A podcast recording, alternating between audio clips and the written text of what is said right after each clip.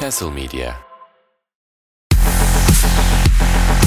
Barkın Kızıl ve Malisel Işık'la Vastalar başlıyor.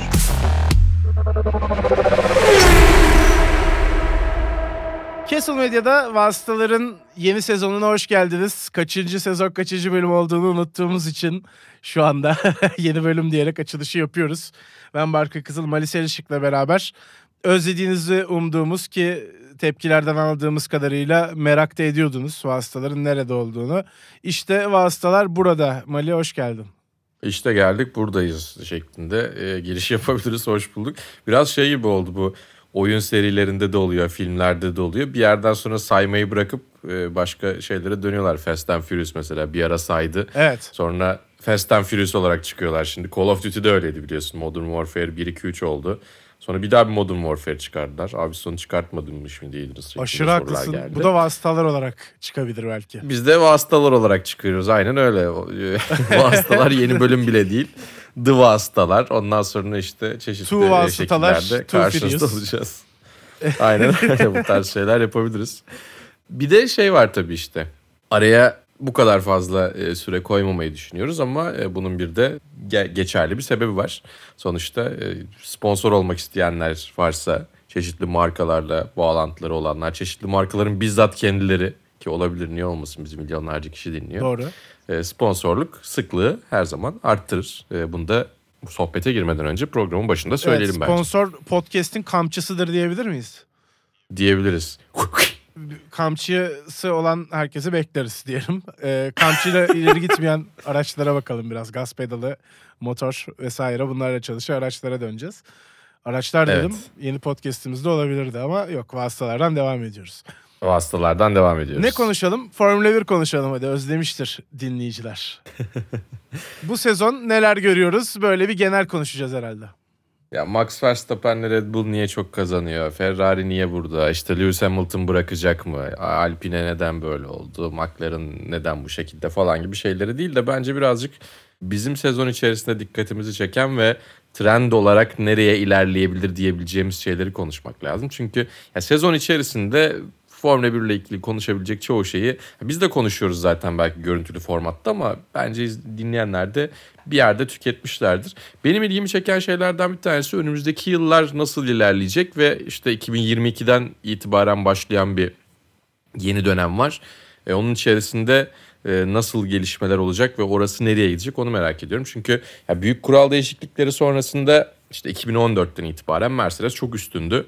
O kural değişikliklerinin sonuna kadar da ki yani güç ünitesi devam etti ama aerodinamik anlamda kural değişikliklerinin sonuna kadar da arada birkaç değişiklikler olmasına rağmen üstünlüklerini korudular. Yani Red Bull 2026'nın da ötesine geçebilecek bir üstünlüğe sahip olabilir bence o yüzden. Çünkü otomobilin gövdesi, otomobilin aerodinamik yapısı bir süre daha böyle kalacak gibi duruyor. E ama diğer taraftan da benim şey çok ilgimi çekiyor. 2026'yı bekleme sebeplerimden bir tanesi o. Fabrika takımı sayısı çok artıyor. Şimdi Sauber Audi'nin fabrika takımı olacak. Hatta direkt olarak Audi Sport diye geçecek. İsminde Sauber olur mu olmaz mı ondan bile emin değilim. E, Red Bull e, zaten bir fabrika takımıydı tabii ki ama e, onların Ford'a geçişi bu sefer Aston Martin'in bir fabrika takımı olmaya ihtimalini e, ortaya koydu ki o da çok ilginç bence. Hala yol otomobillerinde Mercedes güç ünitesi kullanıyorken Honda ile birlikte Formula 1'de fabrika takımı olacaklar. De facto bir fabrika takımı olarak yarışacak Aston Martin. Mercedes zaten devam ediyor. Ferrari zaten devam ediyor. Onları söylemiyorum. Fakat işte Alpine yine aynı şekilde. E, McLaren burada nerede olacak onu da merak ediyorum. İşte Williams'ı bir ara Porsche olabilir dediler. Sonra Porsche her zaman olduğu gibi yine girmedi. Bunun sayısı da artabilir ve böylece e, hem markaların takımlarla birleştiği e, hem de e, üretici sayısının arttığı, bir taraftan böyle güzel ortaklıkların olduğu bir Formula 1'e doğru adım adım gidiyoruz. Bu işin bence umut verici kısmı. Diğer tarafı da Red Bull'u özellikle engellemedikleri sürece ki Formula 1 artık bunu yapmayı bıraktı. Kazananı direkt olarak engellemiyorlar.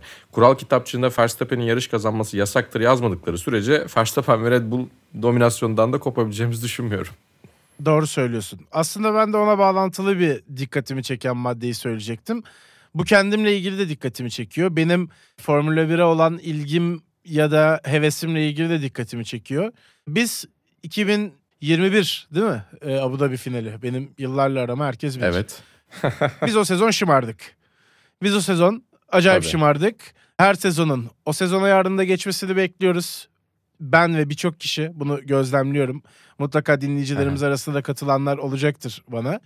Ee, bu şımarıklıkla beraber artık güzel yarış da olsa ben ya ne kadar iyi yarış oldu acayip coştum izlerken diyememeye başladığımı fark ettim. Bu sezonun trendlerinden bir tanesi olarak bunu söyleyeceğim sana. Yani bazen çünkü hani videoda da mesela seninle konuşuyoruz. Ya aslında bakınca çok da kötü değil. Hani ortalama bir yarışın üzerinde. Çünkü biz sonuçta hani çok uzun yıllardır Formula 1 izliyoruz ve tek tarafın dominant olduğu sezon sayısı mücadeleci sezon sayısından her zaman daha fazla oldu. Hatta kat kat fazla oldu. Yani ne zamandan alalım? Schumacher'den alalım istersen. Ee, sayalım şöyle bir. Dominasyon olmayan yıllar kaç tane var? Dominasyon olan yıllar ne kadar var? Az. Bunları az. düşündüğün zaman Dominasyon olmayan yıllar az. Ya bir de şey yıl içerisindeki dominasyon ayrı. E, Schumacher'in şampiyonlukları arasında da yakın şampiyonluklar var tabii ki ama Vardı, evet. genel manada baktığınızda sonuçta onların şampiyonu işte o şeyi o tanımı nasıl yapıyorsun bir onu e, anlamaya çalışıyorum. Yani Ya yıl e, sezon daha doğrusu rekabet 2003 mesela dominasyon yılı değil değil mi? Herhalde değil. Raikkonen az evet. daha şampiyon oluyordu çünkü tamam. Çok yakın geçince değil. sordum.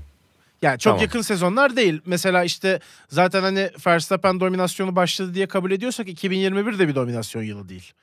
Zaten hani keyifli olan oydu Yok ama değil evet. bundan 10 yıl sonra Takım konuşunca arkadaşları arasında şampiyonluk mücadelesi olması sayılmıyor ama herhalde değil mi? ben ben 2016'yı ben ona bile tamamım. Yani iki pilot Ona arasında tamam bir mısın? şampiyonluk yarışı var ve biz onu izliyorsak mesela Alonso'nun şampiyonlukları için de bunu söyleyebiliriz. Alonso Schumacher çekişmesi Tabii, tabii, kesinlikle, vardı. tabii ki. Yani Aha. mükemmel sezonlardı bence Tabii onlar. ki. İki sezon üst üste kazanması, Renault'un bence biraz da Briatore hileleriyle şampiyon olması. yani spekülasyon da yapayım. Ee, yani onlar kıymetinden götürmüyor. Şampiyonluk dominasyonu kurduğunu ifade etmiyor bence. Çekişme varsa tamamım. Yani Mercedes dominasyonu içinde Rosberg Hamilton çekişmesine de tamamım. Ama sonuçta öyle olmayan çok tek taraflı olan birçok yıl gördük. Ee, onlardan bir Evet. tanesini geçiriyoruz diye düşünmek lazım. Ve Formula 1'in normalinin bu olduğunu aslında kabul edip e, bundan sonra daha böyle küçük güzellikleri görmemiz gerektiğini düşünüyorum. Kendime de tavsiye olarak. Ne dersin? Evet yani Türkiye'de yaşayan insanlar olarak bu tavsiyeyi çok genel şeylere de uyarlayabiliyoruz zaten Doğru. son zamanlarda. Hani ne cüret ki e, umutlanmışız değil mi yani bu sene çok keyifli olacaktı ki geçen sene de öyleydi bence. Yaz arasına gittiğimizde sezon bitmiş dedik çünkü tarihte öyle bir farktan dönen kimse yoktu. 2022 de güzel başladı bence yani ilk 6-7 yarış neyse işte Fe- bayağı Ferrari'nin keyifliydi. saman alevi Fakat- gibi performansıyla güzel başladı. Evet biraz öyleydi. Ee, Ferrari'nin devamını getirememesiyle, tamamını erdirememesiyle ki yani o otomobille şampiyon olmaları gerekiyordu. Bir daha o fırsat gelmeyebilir diyorduk. Gördük işte. Ee, o yüzden evet katılıyorum. Formula 1'in normali bence 2023 gibi sezonlar da değil ama. Yani 2021 çok ekstra. Ondan bir tane daha var bence. 2008 dışında öyle bir final yok diye düşünüyorum. Son turun son virajına kalan 2008 ve işte son tura kalan 2021. Evet tabii ki işte 2007 çok yakındı. Onun dışında e, işte 2012, 2010 bunların hepsi son yarışa kalan güzel finallerdi bence.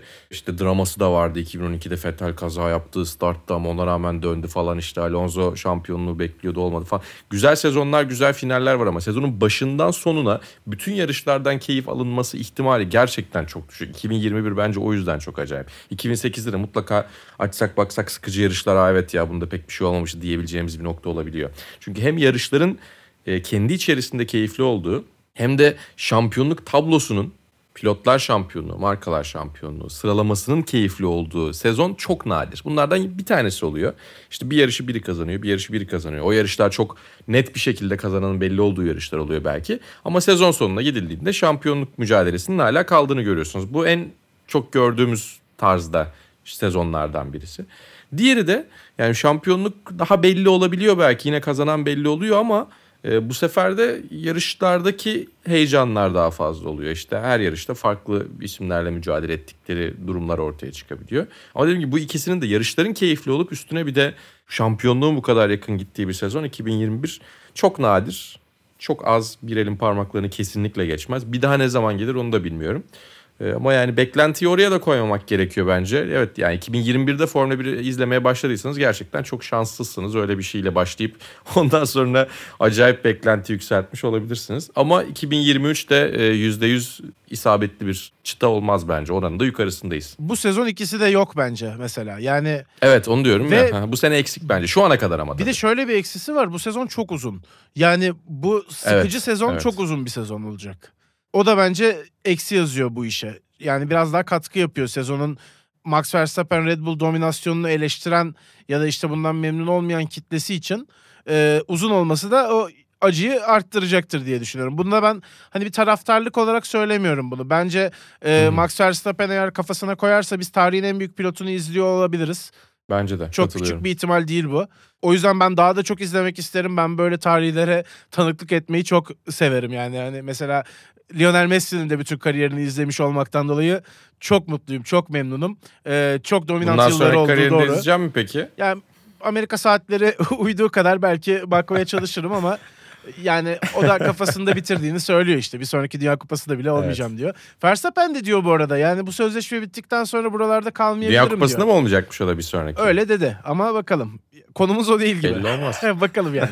Verstappen bundan sonra kontratı bitince devam edecek mi? Konumuz belki o olabilir. Evet 2028'de bitiyor kontratı. Ben bunu geçen gün seninle konuşurken de ifade etmiştim. Biraz kafadan çatlak karakterler oluyor genelde böyle sporcular ve gerçekten hani bir anda kontak atıp en iyisi olmaya istatistiksel olarak numara e, rakamlarla da çıkabilecekken bırakıp da gidebilir. Hiç bana küçük bir ihtimal gibi gelmiyor bu. Evet. Yani yarışmayı bırakmaz ama Formula 1 bırakabilir. O zaman da hani 20 yıl sonra açıp baktığında sayılar başka bir şey söyleyecek belki. Pist performansı başka bir şey söyleyecek. Bilemeyeceğiz onu hiçbir zaman. E tabii evet ya rakamlara göre değerlendirmek zaten çok doğru mu? Bunu hep tartışabiliriz işte. Yani tüm zamanların en iyisi tartışması mı olmalı yoksa kendi zamanının en iyisi tartışma, tartışması mı olmalı? Bu da çok e, son zamanlarda dile getirilen bir şey. Benim kafama daha çok yatıyor. Kendi döneminin kim daha iyisiydi diye.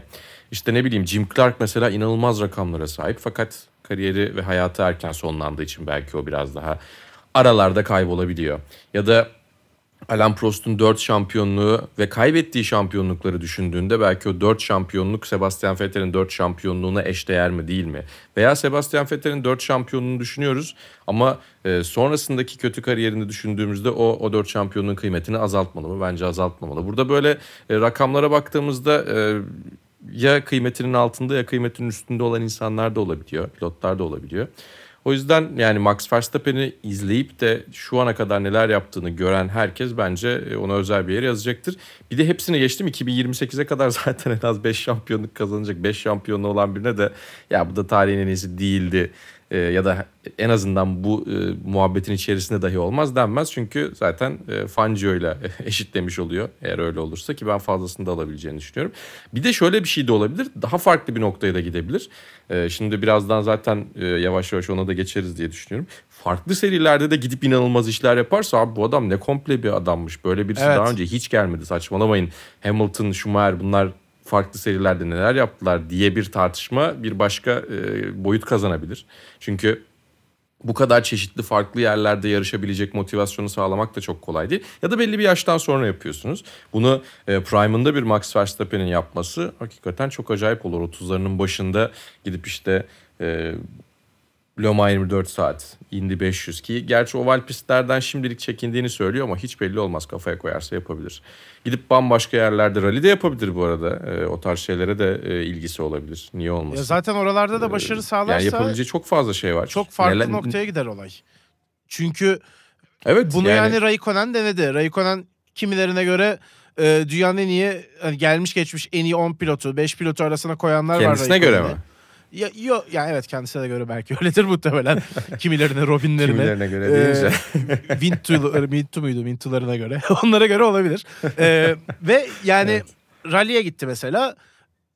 Evet. Bir varlık gösteremedi. Arada sırada işte NASCAR'da izledik. Bu sezonda Fena izledik. değildi ya. Ya, hayır varlık Evet. gösteremedi derken kafaya oynamadı anladın mı? Hani Ee, oraya evet, gittim tabii, ben doğru. Raikkonen olarak geldim ve şimdi burada da e, işte podyuma gidiyorum. Burada da e, kazanmaya gidiyorum. Böyle bir durum olamadı mesela. Yok evet. Bunu Fernando Orada Alonso yarıştı denedi. mücadele etti denebilir. Evet. Evet, evet. Dünya Dayanıklılık Şampiyonası'nda acayip bir performans gösterdi gerçekten ama rakipsiz Toyota ile gösterdi ki birazdan konuşuruz Evet. bu konuyu.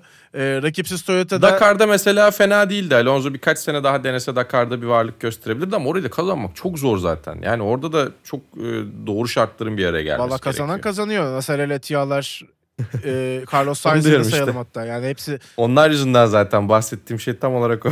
evet rakiplerden diyorsun. Onlardan kalırsa kazanıyorsun yani. doğru, doğru.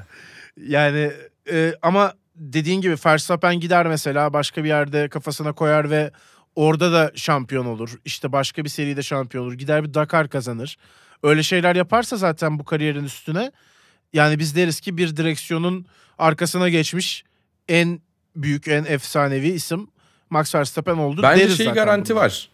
Nürburgring 24 saat, Spa 24 saat, Le Mans 24 saat ve Daytona 24 saati kesin var bence. Ve katılırsa kazanabileceğini düşünüyorum. Le Mans bunların içerisinde belki en e, çok talep gören olduğu için en zoru olabilir ama ya Spa 24 saati garanti. Ben şimdiden Wikipedia'sına yazılmasını talep ediyorum öyle söyleyeyim. o 24 saatlik yarışları çok fazla e, kovalayacaktır. Ve GT yarışçılığını özellikle çok seviyor.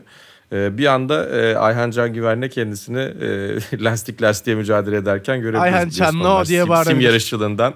Aynen öyle. Sim yarışçılığından eski takım arkadaşlarıydı. Sonra e, farklı yerlere gidince işte Red Line'da kaldı Max Verstappen. Ayhan Can Kuanda'ya gidince bayağı rakipte oldular. Ama yani öyle bir keyifli bir sim racing üzerinden gelen bir motorsporları sevgisi var. E, her boş vaktinde gidiyor e, 20-30 tane yarış yapıyor arka arkaya iRacing'de. E, o yüzden bence GT başta olmak üzere kesin farklı serilerde bir şeyler yapacak. Bunu kaç yaşında yapacak ve ne kadar uzun süre yapacak o soru işareti. Ama ben yani 50'lerine kadar mutlaka bir şeylerde yarışacağını düşünüyorum. Valla hala çok Verstappen. genç işte yani Carlos Sainz Senior şu an 60 yaşında galiba ya da 58 yaşında öyle bir Evet. şey olması lazım. Adam her yerde var neredeyse baktığın zaman bütün e, işte Dakar Dakar'da Extreme'i. Extreme'yi de görüyoruz yarışmaya devam ediyor. Yaş aslında motor sporlarında nispeten daha az sizi geriye götüren sizden daha az törpüleyen bir faktör diğer sporlara kıyasla. Bir de reflekslerden ve fiziksellikten daha doğrusu fizikten kaybettiğini tecrübe olarak kazanabiliyorsun. Doğru. Özellikle tecrübe gerektiren yarışlarda e, işte dayanıklık yarışlarında, uzun yarışlarda e, biraz daha tecrübe ve bilgiyi kullanabildiğin e, serilerde ve yarışlarda ki Dakar onlardan bir tanesi bence kesinlikle. O yüzden tamamen kaybettiğin şeyi e, eksi yazmıyorsun. Oradan da bazı artılar geliyor. Böyle bir ortaya dengeye gelebiliyor. O yüzden de e, Max Verstappen'in uzun ömürlü olacağını düşünüyorum motorsporları kariyerine. Ya geçen birisi bize bir yorum yazmış. Hiç çenenizi yormayın Max Verstappen şampiyon olacak diye. Zaten biz Verstappen şampiyon olması diye çenemizi yormuyoruz ki. Verstappen'e de konuşmamız gerekiyor. Yani iyi ki de değindik Evet. bence uzun uzun. Ee, bu sezon Evet. dikkat çeken şeyleri konuşalım diye girmiştik bölüme. En dikkat çeken Max Verstappen sonuç olarak. Evet. Onu da konuşmuş oluyoruz. ne yapacağını merak etmek güzel bence. O spekülasyonu seviyorum ben yani. Evet. Yani bu sene ne yapacağı belli. Çok e, 6 ay sonrasını düşünmek değil de böyle 6 sene sonrasını düşünmek e, ilgi çekici geliyor bana. Formula 1'den son bir gündem maddesi daha atmak ister misin yoksa geçelim mi? Ya benim aklımda çok bir şey yok. Evet işte böyle bir sezon diyerek. o zaman yeni geride bıraktığımız Le Mans'ı biraz konuşalım ya da Dünya Dayanıklılık Şampiyonası'nı genel olarak konuşalım. Az önce Fernando Alonso'dan bahsederken de Toyota'nın e, rakipsizliğinden ben dem vurmuştum. Yayında da ifade ettik. 24 saatin yine tamamında e, Eurosport'ta yayınımız devam etmişti. Biz de önemli bir kısmını anlatma şansı bulduk. Sevgili İzgecan da e, benimle beraber genelde mesai onunla paylaştık Efe Uçar'la beraber. Ve diğer arkadaşlarımız tabii ki hepsinin e, emekleri var. Teşekkür de edelim hazır konuşma platformu bulmuşken kendimize. E, ben şunu da söyledim. Toyota hiç rakibi varken Le Mans 24 saat kazanmadı. Evet üst üste yıllardır kazanıyorlar. E, ve sayı olarak artışa geçtiler tabii ki. Yani sıfırdı Toyota'nın Le Mans galibiyeti tek başına kalana kadar. E, LMP2'den bozma bir Alpine'le yarışıyorlardı biliyorsun rakip olarak. Hı hı. E, o zaman kazanıyorlardı doğru. Fakat ondan sonra yani bu yıl diyelim e, Ferrari geldi ve Toyota'yı yine yenmeyi başardı. Toyota'nın hala rakibi varken bir Le Mans galibiyeti yok. O da biraz şanssızlıkları çünkü yani 2016'da çok yaklaştılar bir tur kala. Le Mans 23 saat 57 dakikayı kazandı Doğru. o yıl. Ama geri kalan zamanlarda rakiplerinin olmaması Toyota'nın suçu mudur çok emin değilim. Çünkü onların getirmediği, onların zorlamadığı kurallar bütünü belki. E, şu anda daha çeşitleniyor olmasında kendi payları da var. E, sonuçta adil bir ya da en azından çeşitli, keyifli, değer gören bir şampiyonada o tarz bir yarışta mücadele ediyor olmayı daha kıymetli buluyorlar. Ama ben e, Toyota'nın bu mağlubiyetini çok faydalı buluyorum Toyota için. Şimdi önlerinde gerçekten hırslanabilecek ve e, motivasyon sağlayabilecek bir hedef var. Sadece bu e, Ferrari özelinde değil Cadillac da çok iyiydi. E, belki işte Peugeot'un kendini geliştirmesi gerekiyor. Porsche biraz beklenenlerin altında kaldı ama onların da toparladığı bir yerde Toyota'nın şimdi artık çok daha fazla çalışmamız lazım ya da daha spesifik bir şeyleri düzeltmemiz gerekiyor şeklinde. O motivasyonu kanalize edebileceği bir fırsat var. Yapıp yapmazlar bilmiyorum.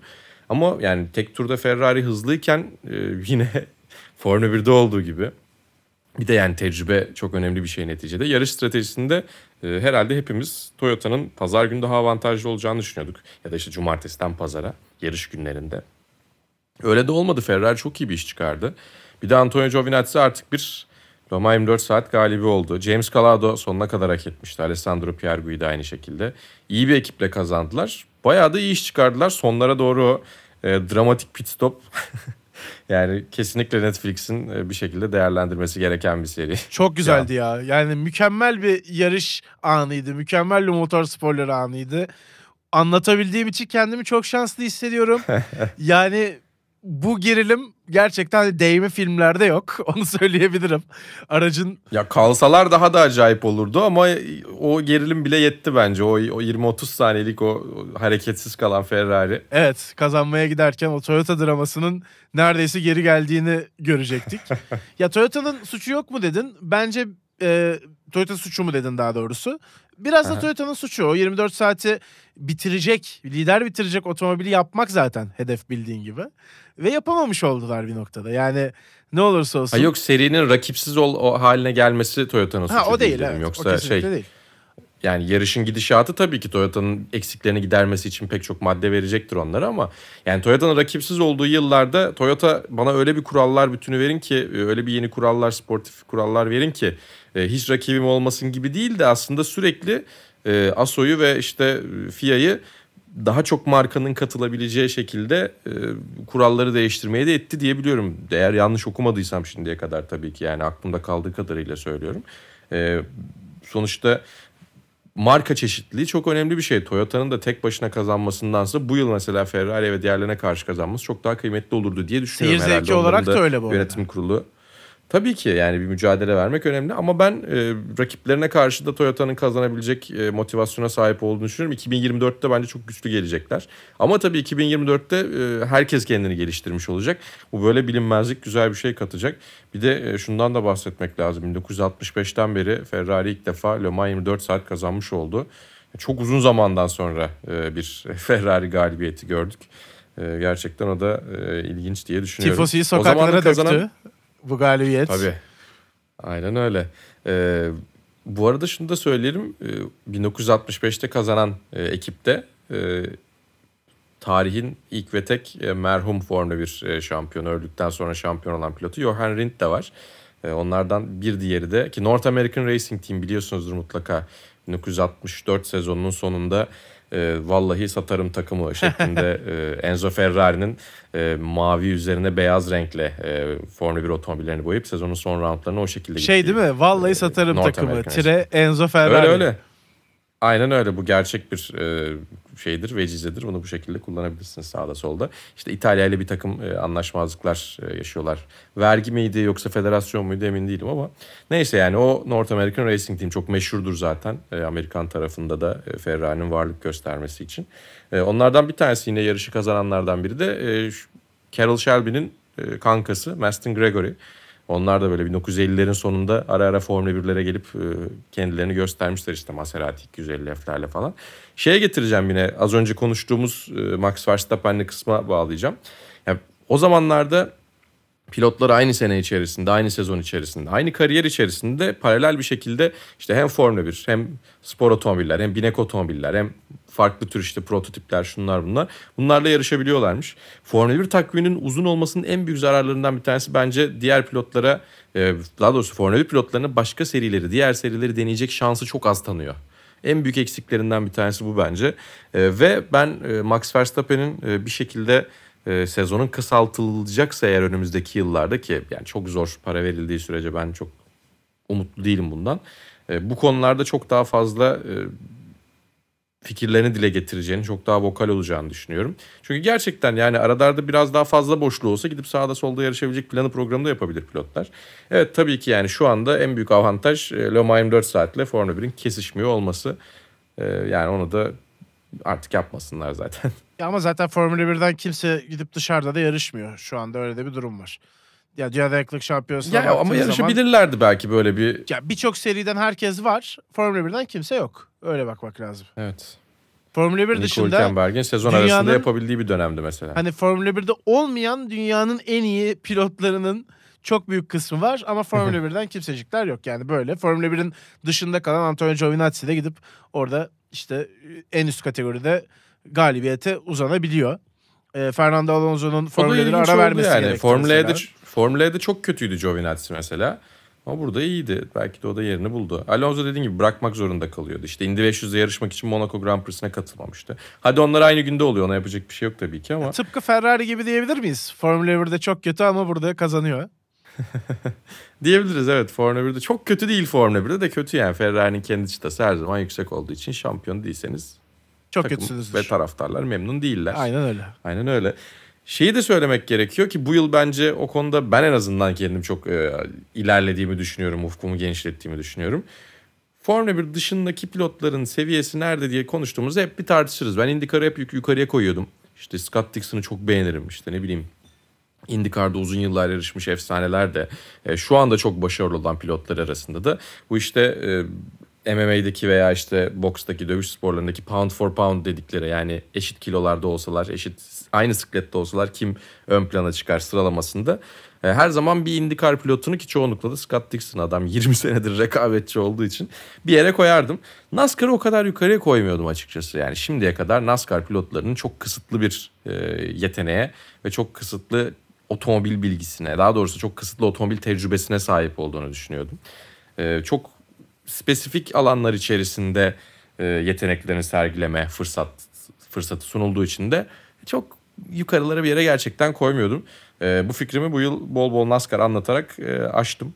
E, Kyle Larson'ı gerçekten çok Öyle mi diyorsun? yukarılarda bir yerlere koyuyorum. Ben hala çok farklı Onun dışında- bir kategoride uzman olduklarını düşünüyorum mesela. Hala öyleler ama ellerine fırsat geçtiğinde iyi iş yapabiliyorlar. Çünkü güncelden mesela evet Kyle Larson'ı yüksek bir yere koyuyoruz ama geçmişe de baktığımızda ki sen zaten e, kulakların pasını silen e, Jimmy Johnson'ı anlattın Lema 24 saatte. Doğru. Ya işte Jimmy Johnson'a bakıyorsun, Jeff Gordon'a bakıyorsun. Yani Formula 1'e gitmenin yolu zaman zaman açılmış hatta bu isimler. Tony Stewart'a bakıyorsun ki otomobili test etmişliği var sadece belki ama e, o da yine e, hem e, açık tekerlek serilerinde hem de e, stok otomobillerde iş yapmış pilotlardan biri. Yani eğer öyle bir kariyer, öyle bir yol olmuş olsaydı işte Jeff Gordon, Jimmy Johnson, e, Tony Stewart gibi isimler Formula 1'e gelip fark yaratabilecek adamlar olabilirlerdi ki e, kıyısından dönmüş zaten Jeff Gordon bildiğim kadarıyla bir BMW Williams ihtimali varmış ona. Yani sadece evet Amerika'nın sunduğu şartlar bir anda kalkıp oradan Avrupa'ya gelip kendine kariyer yaratmak da çok kolay bir şey değil. Çok büyük risk alıyorsun. E, Avrupa'nın dışından herhangi bir seri için gelmek çok kolay değil. İşte Casey Stone'un zamanında e, Avustralya'dan e, 14-15 yaşındayken gelip burada e, MotoGP'de kendine kariyer inşa etmesi gibi. Tutturamazsan çünkü e, geri dönmek de çok psikolojik olarak zordur diye düşünüyorum. O yüzden NASCAR pilotlarına olan saygım taraf yani tarihini de e, araştırdıkça işte taraftarların bu olaya bakışını da gördükçe onların farklı serilerde ama Amerika için neler yaptıklarını da görünce e, biraz e, değişti. Biraz ön yargımı kırdığımı düşünüyorum. E, tabii ki evet şu anda gösterdikleri e, hünerler hala çok spesifik alanlar içerisinde ama bunun dışına çıktıklarında da e, kendilerini gösterebiliyorlar. O verta- versatiliteyi yakalayabiliyorsun yani. Evet aslında enteresan bir konudan dem vurdun bence. Ee, mesela Nick de Vries Formula E'de şampiyon oldu. Hmm. Ee, Formula 1'e geldi. Acayip bir eleştiri var. Yani kimse Ki F2'de de çok iyiydi. kimse beğenmiyor açıkçası Nick de Vries'i. Evet. F2'de de çok iyiydi dediğin gibi. Öyle. Ama mesela bunu bir de tersten bakalım. Felipe Massa Formula 1'de kendine göre şampiyon da oldu biliyorsun. O da Formula E'ye geldi orada döküldü. Ya da Antonio Giovinazzi Formula E'ye geldi son sıradan çıkamadı ama Dünya Deklık Şampiyonası'na gitti. Ee, ilk Le Mans'ın da yarış kazandı mesela. Yani Rene Rast ne yapıyor? Renner Asta Yani iyidir yani muhtemelen umarım da onun dışında da iyi seni sordu geçen falan diye cevap. değil mi öyle mi? ya McLaren'da iyi bir proje ortaya konulduğu belli. Tecrübeli pilot olarak Aha. René Rast var. İşte yanında bir de çaylak sürücü var. Fena işler yapmıyor ama genelde hani en çok isminden bahsettirilen isimlerden bir tanesi değil. Ama mesela onun da kendi krallığı var. Çok enteresan bu durum aslında. Evet. Yani çok dalgalı olabiliyor gerçekten serilerden Ya ben serilere. Russ'ı da çünkü dü- dünyadaki en iyi pilotlar arasında ilk 5'e veya işte ilk 10'a mutlaka koyarım. Çok beğendiğim pilotlardan birisi. O yüzden sonra. Ya mesela işte hani Stoffel Van Dorn diyelim. Formula 1'deki Evet, imajı mesela. nasıl? Formula E'deki imajı nasıl? Dünya Renklik Şampiyonası'nda Evet. yaptıkları nasıl? Şöyle bir koyduğun zaman Evet. çok oynayabiliyor. Ama bence Hepsi farklı bu evet. motor sporlarının sadece insan faktörü değil, insanla makinenin beraber çalışmasıyla da alakalı olduğunu düşünüyorum. Yani Doğru. Indy 500'de zorlanan Alonso'yla Formula 1'de bazen aşağılarda gezen Alonso, bazen şampiyon olan Alonso. Ee, yine aslında biraz da makineyle de alakalı. Otomobille, vasıtayla alakalı öyle söyleyeyim. Doğru. Ee, zamanında e, Eurosport'un bu Harbiye'deki ofisinde ben yine serilerden bir tanesini anlatıyorken bu kadar fazla seri olduğuna çok e, yarış serisi olduğuna e, çok e, itiraz eden e, sevgili Canan Duygu abi bir tane araba koysunlar herkes ona binsin hızı belli olsun diyordu. Ki yani bu e, fikri zamanında Top Gear, Can bana bunu söylemeden yaklaşık Doğru. 15 sene önce Star in a Reasonably Priced Car isimli e, segmentlerinde ortaya koymuşlardı. Orada da hızlı pilotlar gerçekten ortaya çıkıyordu. Stig'i galiba ilk yenen Rowan e, Atkinson Rubens mesela. Olmuştur diye O da iyi hatırlıyorum. durumda biliyorsun. Rowan Atkinson, Mr. Bean Ünlüler çok büyük yarışçıdır. acayip bir tempoydu onunki de öyle hatırlıyorum. McLaren F1'ine e, iyi davranmayan pilotlardan bir tanesi. e, Şey e, oy- oyunculardan bir tanesi aynı zamanda. Onun çok böyle güzel patlıcan moru bir e, McLaren F1'i var. Sürekli de hızlı kullanıyor. E, en sonunda çok büyük bir kaza yapıyor. Üzülmek isteyen varsa e, o e, McLaren'ın fotoğrafına bakabilir. Hala arada içim gidiyor yani. Rowan Atkinson Ama evet mesela Ro- Rowan Atkinson iyi pilottur. 320'de iyi ama 340'da hafif titreme yapıyor gibi acaba açıklamalar oldu Aynen mu? öyle o tit- titrediği noktalar. Bir de şey var gerçekten. Hadi buradan alayım yine e, Le Mans'a doğru e, bağlayayım. E, bazı pilotlar, bazı ünlüler, bazı sanatçılar, bazı aktörler motor sporlarına geçtikten sonra da orada kendilerini geliştirebilecek fırsatı yakalayabilmişler. Mesela işte Steve McQueen'i söylüyoruz, Paul Newman'ı söylüyoruz ki çok geç yaşında başlıyor. İnanılmaz işler yapıyor o da. E, özellikle yerel serilerde de e, Amerikan işte Trans Am serisi olması lazım. Amerikan yarış serilerinde de iyi işler yapıyor. Patrick Dempsey'nin bir ara hikayesini uzun süre Evet. anlattık. E, Amerika'nın kutsisi biliyorsun Doğru. kendisi. E, Grey's Anatomy'nin e, daha doğrusu e, buradaki versiyonun Amerikan versiyonu. As, aslı burası diye e, kodluyoruz artık. E, Burada mesela sence e, Michael Fassbender nerede ki işte Rowan Atkinson'dan bahsettik o da yerel serilerde güzel yarışıyorduk. Frankie Muniz yine bu arada Malcolm in the Middle izleyenler varsa onun da bir yarış kariyeri var. Böyle motor sporları ve Malcolm in the Middle e, seviyorsanız e, ortada buluşturabileceğiniz araştırma konularından bir tanesi olabilir. Michael Fassbender çok yavaş başlamıştı, çok kötü başlamıştı. Ben en son bıraktığımda hala tehlikeli bir pilottu. Ama biraz daha geliştirdiğine dair de o belgesel serisini falan izleyen ve kıymetli fikirleri olan arkadaşlarım beni biraz ikna etmeye çalıştılar. Sonra tabii Le Mans'da kaza yaptığı En için son kaza 24 yaptı evet saatte- onu söyleyecektim ilk cümle Evet. olarak. En son kaza yaptığı için biraz daha ikna olma ihtimalim azaldı. Ee, ama sen ne diyorsun tabii sen daha yakından takip ettin. Hani eğer motor sporları stand-up'ı Kadıköy'de alkış alacak bir şey olsaydı benim bitim Michael Fassbender üzerinde olabilirdi. Çünkü başından beri takip ediyorum kendisini. Ben neredeysem o da oraya geliyor sağ olsun. evet Porsche Super Cup zamandan beri Evet takip aynen öyle. Aynen sen öyle. Michael Beraber Fassbender'ı. yürüyoruz yani Michael Fassbender'la. Adeta bir magnet gibi seni çekiyor bir magnet gibi çekiyor beni. Doğru söylüyorsun. yani Ama magnet o. magnet Sen o. değil. Ben değilim. Eliyle 3 yapamayan adamdan bahsediyoruz. Evet değil mi yani? Kaç tur sonra pite geliyorsun sorusundan sonra ortalık karışıyor. ya İki, üç tur demeye çalışıyorum.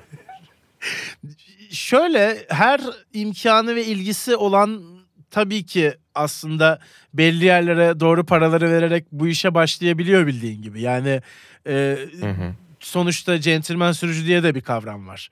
Yani lisansınızı Yıllarca Tracy Kron anlattık mesela evet, yani. Evet. Yani lisansınızı çıkartıp yarışta yer alabiliyorsunuz ama bu her bu yola baş koyanın bu yolda başarılı olacağı anlamına gelmiyor. Evet yani yarışın ilk 5 metresinden yarışın son 2-3 saatine kadar iyi yol kat etti Michael Fassbender. Şimdi bunda bir itiraz gösteremeyeceğim. Ama e, belki biraz da şeyden geliyor.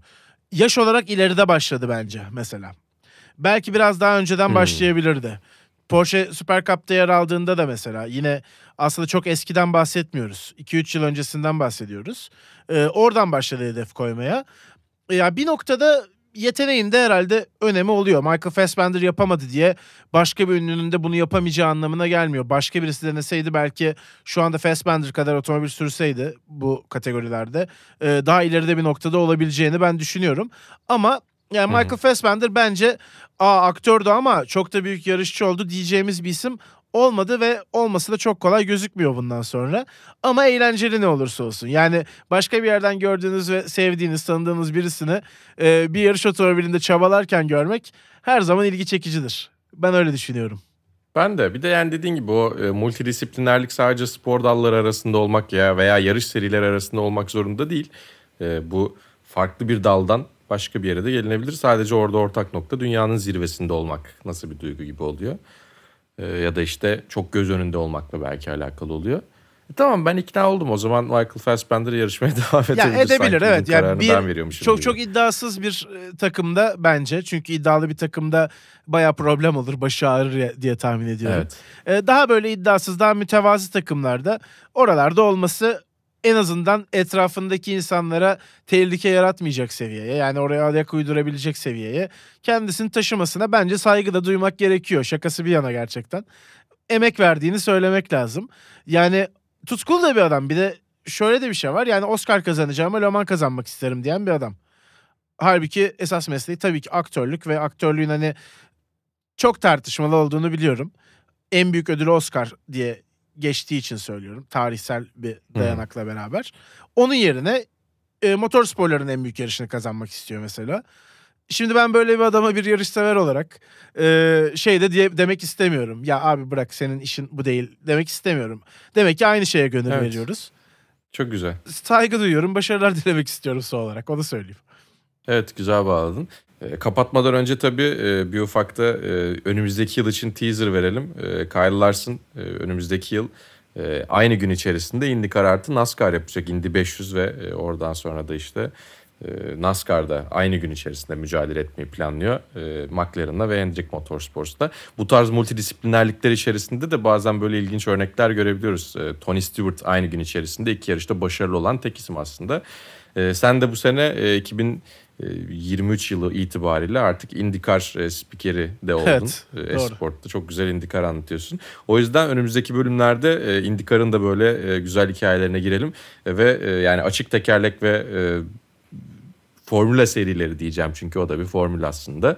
Ee, insanlar böyle e, ya bu sene Formula 1 çok keyifli değil diye e, dövünüyorlar. Hepimiz aynı şekilde hayıflanıyoruz. O zaman niye IndyCar izlemiyorsunuz diye de insanın şöyle bir serzenişte bulunması geliyor. Çünkü hakikaten çok iyi yarışlar ve saati de Çok. bence gayet uygun. Çok da makul evet. Yani haftayı kapatmak için mükemmel. Mesela akşam 8, akşam 10.